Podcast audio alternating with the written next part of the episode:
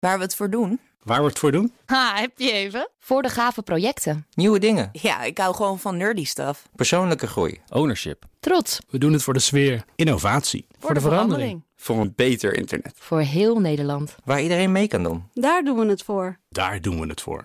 Waar doe jij het voor? Kom werken voor KPN en groei op jouw manier. Check de actuele vacatures op het gebied van data, security, development en networking op jobs.kpn.com/tech. BNR Digitaal wordt mede mogelijk gemaakt door Orange Cyber Defense. Orange Cyber Defense. Build a safer digital society. BNR Nieuwsradio. Digitaal. Herbert Blankenstein. En welkom bij BNR Digitaal. In de ene hoek staat Sony's PlayStation 5 en in de andere Microsoft's Xbox Series X, een naam waar lang over vergaderd moet zijn. En door deze nieuwe spelcomputers is er ook een nieuwe gameoorlog gestart. En daar vond ik dat geluid uit Halo wel zo toepasselijk bij. Op basis van de verkoopcijfers van de vorige spelcomputers lijkt PlayStation voor te staan op punten. Maar Xbox heeft nog een troef in handen. Hoorde, in BNR's uitlegpost, hoorde ik in BNR's uitlegpodcast helder. Xbox zet namelijk vol in op een soort Netflix voor games. Game Pass. Microsoft's game plan is not as much hardware driven as it is service driven, reinforced and made abundantly clear after watching the Xbox Game Showcase.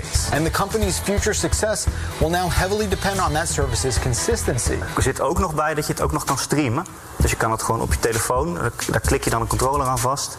Of je op je tablet. En dan kan je het gewoon via internet, kun je al die games streamen en verder gaan waar je gebleven was. PlayStation heeft ook een clouddienst, PlayStation Now. Maar daar komen niet altijd de nieuwste titels op. En daarover praat ik verder met Boris van der Ven van GameKings aan de telefoon. Hallo Boris. Hey Herbert. Hallo, onder wat moeilijke omstandigheden begrijp ik, maar we gaan het proberen. Um, hebben uh, PlayStation en, um, en de Xbox echt zo'n gevecht te voeren samen? Zijn het echt zulke rivalen dat je maar van een gameoorlog kunt spreken? Ja, zeker. Dat wordt ook wel de, de, de console wars genoemd. En dat gaat eigenlijk al terug uh, tot de tijd waarin uh, Nintendo nek aan nek race aflegde tegen Sega. En het hoort er een beetje bij. En um, we zagen eigenlijk de afgelopen jaren dat PlayStation ja, een soort alleenheerschappij heeft opgebouwd. En het is gewoon de vraag van wanneer gaat Microsoft daar uh, iets tegen inbrengen. En het lijkt dat dat nu een beetje begint uit te kristalliseren. Het is in ieder geval niet gelukt met de Xbox One-serie, uh, die nu dus op zijn einde loopt en vervangen gaat worden. Um, daar is het niet gelukt, dus hopelijk doen ze het nu beter. Maar aan de andere kant, de Xbox is wel kleiner met, uh, met Microsoft, maar ze hebben wel een fatsoenlijk markt. het is niet verwaarloosbaar, hè? De, half zo klein als dat van PlayStation, maar toch een fatsoenlijke voet aan de grond. Ja, in, in Amerika gaat het ongeveer gelijk op. Uh, in Europa heeft uh, Xbox ontzettend veel marktaandeel ingeleverd na de launch van de Xbox One. En dat kwam omdat ze de, uh, die console eigenlijk niet tegelijkertijd in alle regio's heeft uitgebracht. Dus Nederland moest bijvoorbeeld bijna een jaar wachten. Nou, Nederlandse gamers voelden zich gewoon um, ja, bedrogen eigenlijk. En dat is raar, want je denkt van je hebt het over techniek, maar dit gamers zijn ook fans. En zo'n console is ook een deel van hun identiteit. En als je dan eigenlijk niet meegenomen wordt in zo'n lancering ja, dan, dan haak je af. Ja. En dat hebben we eigenlijk in, uh, in grote delen van West-Europa gezien. Ja, jij bent gamingjournalist en als zodanig uh, neem ik aan onpartijdig. Aan de andere kant, je bent ook gamer. Heb je als gamer eigenlijk een voorkeur? Ja, nou, kijk, net als dat voetbaljournalisten ook altijd wel een eigen voorkeur hebben voor een Bedoel club, ik? is het ook mooi dat er, een, dat er een strijd plaatsvindt. Dus ik geniet nog het meest van de strijd. Um, ik, ik, denk eerlijk gezegd, ik, ik, hou van bepaalde games. En op dit ogenblik zie je, zeker in deze fase, dat de beste games worden de zogenaamde third parties gemaakt, die hun games eigenlijk op alle systemen uitbrengen. Um, dus wat dat betreft denk ik dat heb ik niet echt een voorkeur. Um, ik ben ergens ook wel een beetje voor de underdog. Dus ik ben ook wel benieuwd of Microsoft nu in staat is om eindelijk wat terug te doen. Uh, het rare is dat die, die, die hardware is altijd heel goed. Microsoft is heel goed geworden in het maken van consumentenelektronica, vreemd genoeg. Maar Microsoft is dramatisch slecht in het maken van entertainment. Dat, dat, daar hebben ze echt uh, geen kaas van gegeten. Dus dat moet gewoon nu gefixt worden. En dat, ja. Uh, ja, daar hebben ze nu dus laten zien dat ze in ieder geval ambitieus zijn. Ja. En is dat ook de oorzaak dat ze slecht zijn in, in, uh, in het maken van entertainment? Is dat de oorzaak dat ze een minder marktaandeel hebben? Of is dat bijvoorbeeld dat ze, ik dacht bij de vorige versie, uh, versie 4, dat ze zoveel later uitkwamen dan PlayStation? Nou, ja, ja, dat zal bij de launch absoluut hebben meegespeeld. Maar ik denk eerlijk gezegd dat na, nadat dat een beetje weggeëpt is, zou je kunnen zeggen van ja, als je content gewoon goed is, als je gewoon goede games hebt, dan wordt het wel gespeeld. En dat heeft Microsoft gewoon niet. Ze hebben een aantal jaar terug al hun studio's gesloten, omdat ze dachten dat dat niet efficiënt was en dat uh, derde partijen toch beter waren. Nou, daar heeft Sony echt uh, uh, laten zien dat ze daar de winst hebben gepakt. Sony heeft heel erg geïnvesteerd in hun eigen IP's, in hun eigen content. En dat is gewoon ontzettend hoogwaardig, heel goed, ja, door iedereen geliefd. Dus alle gamers hebben een PlayStation. Dat zie je eigenlijk overal wel. Van Xbox, of echte gamers hebben vaak een, een Xbox en een PlayStation. En het raakt dat die Xbox technisch gezien de afgelopen generatie wel beter was. Um, maar ja, de content bleef achter, dus dan houdt het gewoon een klein beetje op. Ja, en nu krijgen we dus die nieuwe versies. We zijn naar versie 5 toe van allebei. Um, welke hardware is op dit moment het beste? Weet jij dat al? Ik, uh, ik geloof dat de, uh, de Xbox Series X. Je hebt dus de Xbox Series S en de Xbox Series X. Om het, om het simpel te houden. Voor ja, de, S voor is de, goedkope versie, geloof ik, hè? Ja, en die, die ondersteunt geen 4K gaming. Uh, dus laten, we, laten we het vlaggenschip nemen, de Xbox Series X. Ja. die is op papier tenminste, want we hebben natuurlijk nog verder niks gezien. Ik bedoel, alles loopt op demo-units. Um, dus op papier is de Xbox Series X ietsje beter. Maar dat zegt eigenlijk helemaal niets, omdat die games vaak ontwikkeld worden voor de zwakste systemen. Uh, want je kunt het wel overpoorten naar een systeem wat sneller is. Maar je kunt een game die gemaakt is voor een snel systeem niet overpoorten naar een systeem wat langzamer is. Dus de, uh, ja. de zwakste schakel zet altijd de toon. Ja, oké. Okay, um, nou gaat uh, Xbox veel meer inzetten op uh, cloud gaming. Dat betekent dus dat je de game niet hoeft te kopen, maar dat je hem streamt en een abonnementsstructuur hebt. Kunnen ze daarmee gamers terugwinnen, denk je? Nou, de, kijk, de propositie is heel interessant voor gamers. Hè. Voor een vast bedrag, even uit mijn hoofd, 14 of 15 euro, zoiets, kun je in feite een gigantische, ja, per maand, ja, kun je een gigantische bibliotheek aan games spelen. Um, maar wat je ook al ziet bij bijvoorbeeld uh, vergelijkbare diensten, Spotify en Netflix, het is bijna onmogelijk om winst te maken. Nou, en het, het produceren van een videogame is exponentieel duurder dan het produceren van een tv-serie of van een muziekalbum. Dus dat, uh, uh, de, ja, er is eigenlijk geen enkele analist die zegt: van, ja, dit gaat zakelijk van okay. de grond te krijgen. Dus je winst er wel terug, maar je verdient er niks aan. Dat is dus het probleem. En ja. hoe lang gaat Microsoft dat volhouden? Kijk, ze hebben natuurlijk diepe zakken, maar zijn ze helemaal gek geworden? Weet je, dat, ja. dat is gewoon, ze geven gewoon te veel weg. Ja, um, intussen hebben ze wel een game studio gekocht voor 7,5 miljard euro. Um, ja. Gaat dat een beslissing brengen op een of andere manier? Nou, dat moet wel, want als ze dat platform, dat Game Pass van de grond willen krijgen, dan moeten ze eigen content hebben. Omdat het verdienmodel namelijk zo krakkemikkig is, gaan derde partijen, die gaan niet hun duur geproduceerde videogames, die misschien wel grote successen zijn, uh, uh, ja, tussen aanhalingstekens weggeven aan Microsoft om in die dienst te plaatsen. Ja. Uh, dat zou echt zonde zijn. En dat, dus wat zie je? In, bij zo'n dienst komen voornamelijk de, de games die anders naar de budgetbak zouden gaan. Weet je, de DVD-verzamelbak bij de, bij de V&D vroeger. Weet je, zoiets waar je voor 5 euro een film pakte. Ja. Dat wordt dat een beetje. Nou, dat willen ze niet. Dus ja, ze moeten wel uh, zwaar investeren in eigen content. En dat Bethesda, dat is geen kleine jongen. Dat is echt een hele grote uitgever. Een aantal studio's bij elkaar, bijna 5000 getalenteerde uh, developers die ze in huis halen daarmee. Vele IP's en franchises. Dus dat is op papier heel erg interessant. En dan uh, hebben ze ook nog gezegd, we sluiten niet uit dat we, dat we er nog meer gaan kopen. zie jij kandidaten daarvoor? Ja, absoluut. Uh, er zijn al wat rare. Uh, we, we, zagen bijvoorbeeld iemand van uh, Microsoft van Xbox tijdens een presentatie met een Sonic shirt op het podium staan. Nou, dat soort dingen zijn geen toeval. er gaan al langere tijd geruchten dat er gesprekken zijn met Sega. Sega en Sammy, dat is één bedrijf in Japan, die zijn ontzettend groot. En Sammy zit voornamelijk in de, in de gokkasten. Sega doet de videogames. En het zou zomaar kunnen zijn dat Sammy bereid is om Sega te verkopen aan Microsoft. Ja. Daar wordt al lang over gesproken. Een andere kandidaat zou zijn. Uh, Warner Brothers heeft aangekondigd dat ze eigenlijk af willen van hun, uh, van een videogame tak. Um, en, dat, en Microsoft is daarvoor echt de gedoodverfde kandidaat. Ja, nou is het zo, als je naar dat cloudgamen gaat kijken, dan hoeft een bedrijf dus geen hardware meer te maken. Want je kunt cloudgamen kun je ook op een, op een smartphone of iets dergelijks.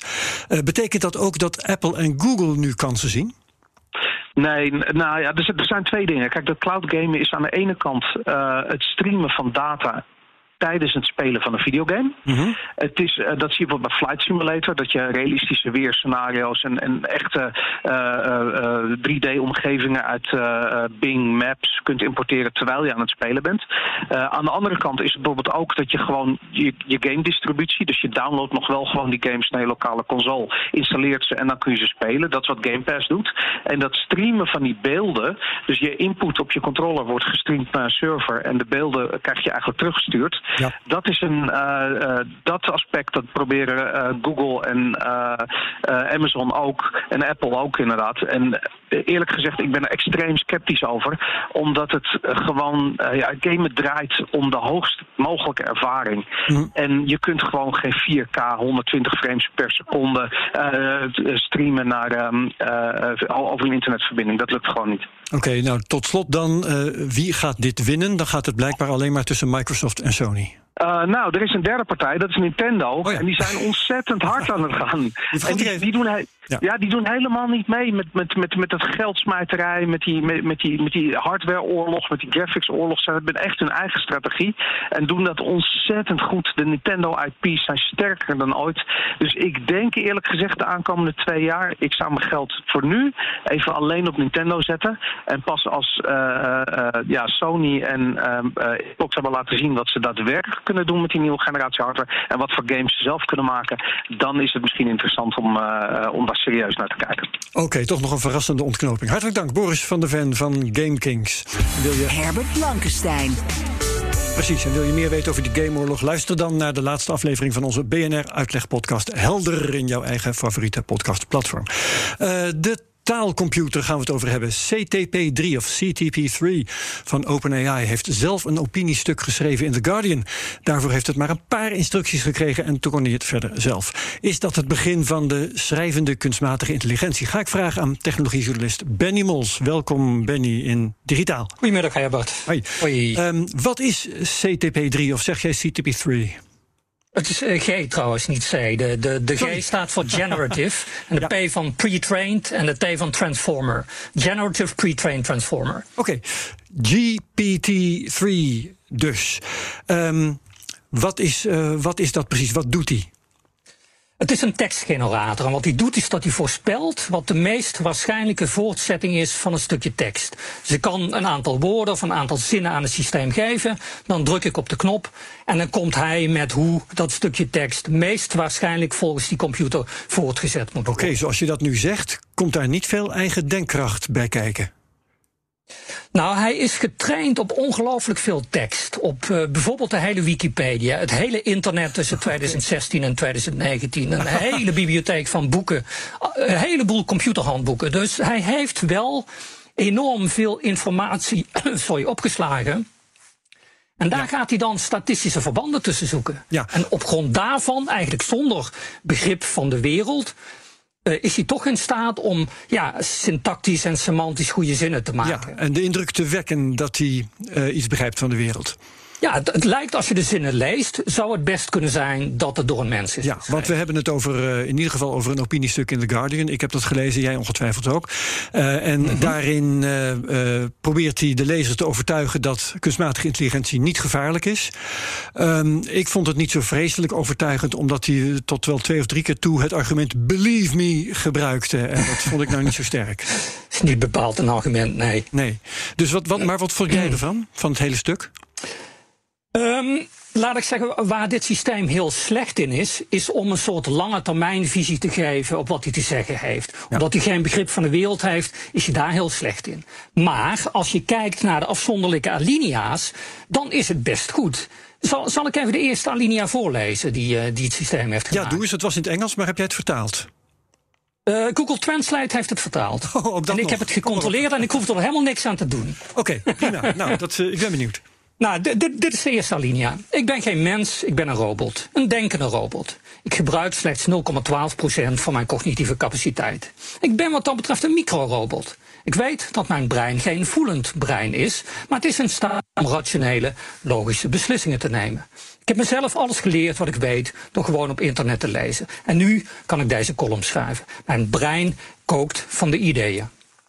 Ja, nou, dat is, dat is uh, in elk geval aardig uh, verwoord. Um, ik denk Precies. dat er, je, je, je moet in alle eerlijkheid zeggen... er zullen mensen zijn die slechter schrijven. Ja, absoluut. Ik denk dat als je dit uh, op de brugklas inlevert, uh, ja. uh, dan ja, geen, geen leraar zou, zou denken van hé, hey, dit, dit heeft een machine gemaakt. Nee, en dat doet mij onmiddellijk weer denken aan de ontwikkeling van de schaakcomputer. Waarvan je op een gegeven moment ook zei, dat was dan in de jaren negentig zo'n beetje, hè, van nou, voor een clubschaker lang niet slecht. Maar de wereldkampioen gaan ze natuurlijk nooit verslaan. ja, ja. Nou, nou, wat, wat, wat, uh, wat eigenlijk niet goed, is goed duidelijk is gemaakt in dat artikel van The Guardian, is dat, kijk, dit is best leuk, gewoon een soort essaytje uh, maken. Ja. Maar wat eigenlijk het allerbelangrijkste is van dat systeem, is dat je het één keer traint op een hele grote dataset met tekst, en dat hij vervolgens hele verschillende talige taken kan doen. Dus behalve dat hij een klein essaytje kan schrijven, kan hij ook Um, een stukje vertalen. Hij, oh, kan, dat ook, ja. hij kan Engelse grammatica corrigeren. Hij kan een nieuwsartikeltje schrijven. Hij kan redeneren over dingen in de alledaagse wereld. Hij kan zelfs, zonder dat hij daar specifiek op is getraind, simpele rekensommetjes maken. Dat is dus het, dat zijn al... feiten, zoals jij ze nu vertelt, over dat uh, eh, GPT-3.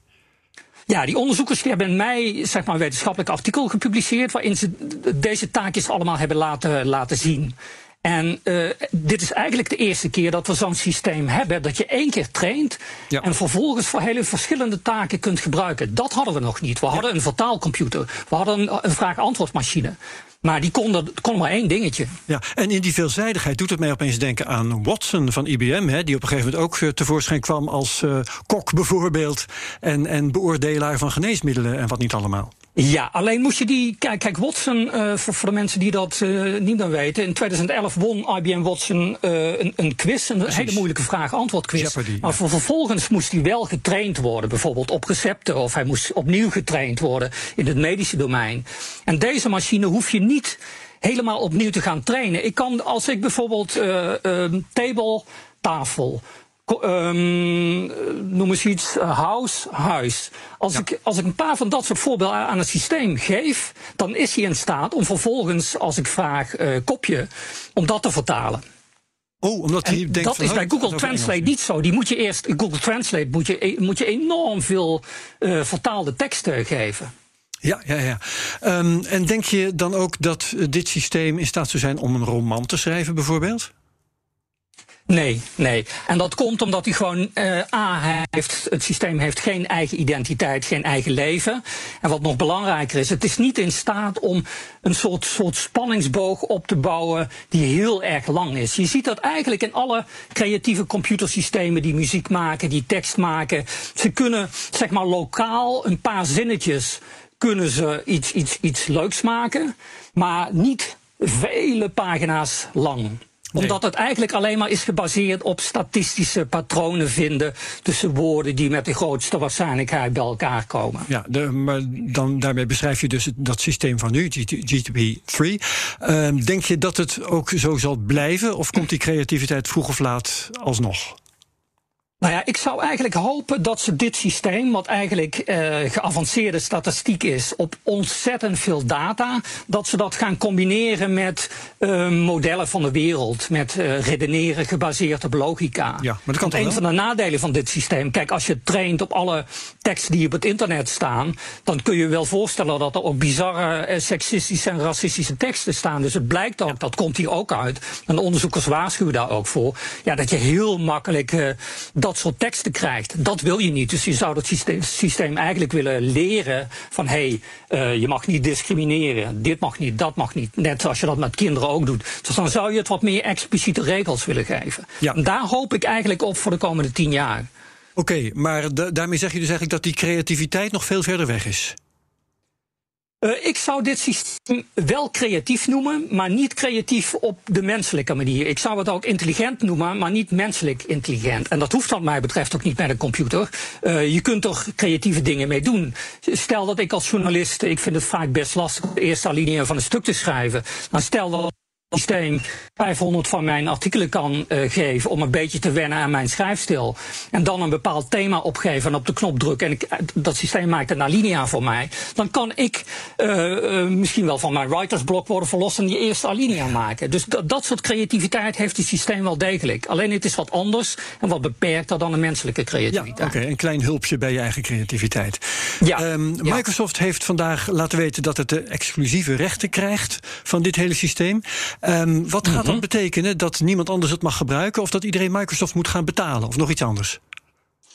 Er is inderdaad een persbericht verschenen. Hoe dat met betaling gaat, dat weet ik niet precies. Maar ik weet wel dat OpenAI dat het systeem heeft gemaakt. Overigens is het op dit moment helemaal niet, niet meer open hoor. Ze zijn ooit open begonnen en nu is het eigenlijk closed. Zeker na die okay. samenwerking met Microsoft. Maar het lijkt erop, wat ik in het berichtje zag, dat je voor ongeveer uh, voor 400 dollar per maand mag je dat systeem gaan gebruiken. Dus Microsoft zegt tegen mensen die daarvoor gaan betalen van uh, wij hebben het systeem, maar in de cloud mag je dit systeem gaan gebruiken. En probeer je eigen toepassing te ontwikkelen. Want dat is de volgende uitdaging natuurlijk. Van welke nuttige toepassingen kun je hiermee bouwen? En dat willen ze aan de ontwikkelaars overlaten, niet allemaal uh, helemaal zelf gaan doen. Ja, dat is grappig, daar heb je de cloud weer. Um, net als in het vorige onderwerp. Maar is dat een redelijk tarief, 400 dollar per maand, gezien wat het kost om dit nou ja. te maken?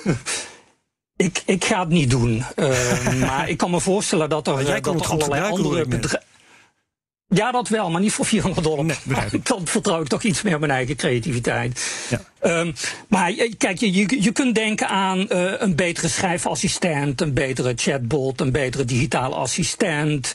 Wat, wat grappig is, waar de onderzoekers zelf uh, niet aan hadden gedacht, maar het blijkt dat, dat dit systeem ook simpele uh, programmacode kan maken. Bijvoorbeeld om een website te maken. Oh, is ook leuk. Dat het ook getraind is op, uh, op computerhandboeken. Ja, oké. Okay, dan zeg ik bijvoorbeeld, ik wil de eerste pagina van mijn website, ik wil dat die er zo en zo uitziet. En dan kan die gewoon HTML-code genereren. Dat is leuk. Nog weer en dat is iets wat gewoon door een van de gebruikers van het systeem is dat, uh, is dat uitgedokterd. En daar hopen ze natuurlijk uh, op. En Microsoft zelf doet natuurlijk ontzettend veel met, uh, met taal. Dus zij zitten daar natuurlijk ook op te wachten. Oké, hartelijk dank voor de toelichting, technologiejournalist Benny Mols. Je kunt BNR Digitaal terugluisteren via bnr.nl, onze app of wat je ook maar gebruikt voor je podcasts. En dan vind je ook mijn andere podcasts, waaronder de Cryptocast, de Technoloog en de Space Cowboys. Cryptocast trouwens genomineerd voor een Podcast Award. Dus ga stemmen op podcastawards.nl.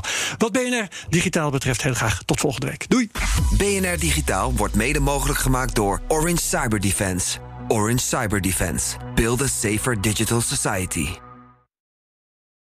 Ook Hugo Reitsma vind je in de BNR-app. Superhandig die BNR-app. Je kunt alle programma's live luisteren, breaking nieuwsmeldingen. Je blijft op de hoogte van het laatste zakelijke nieuws. En je vindt er alle BNR-podcasts, waaronder natuurlijk de belangrijkste, Boeken zijn in de wijk.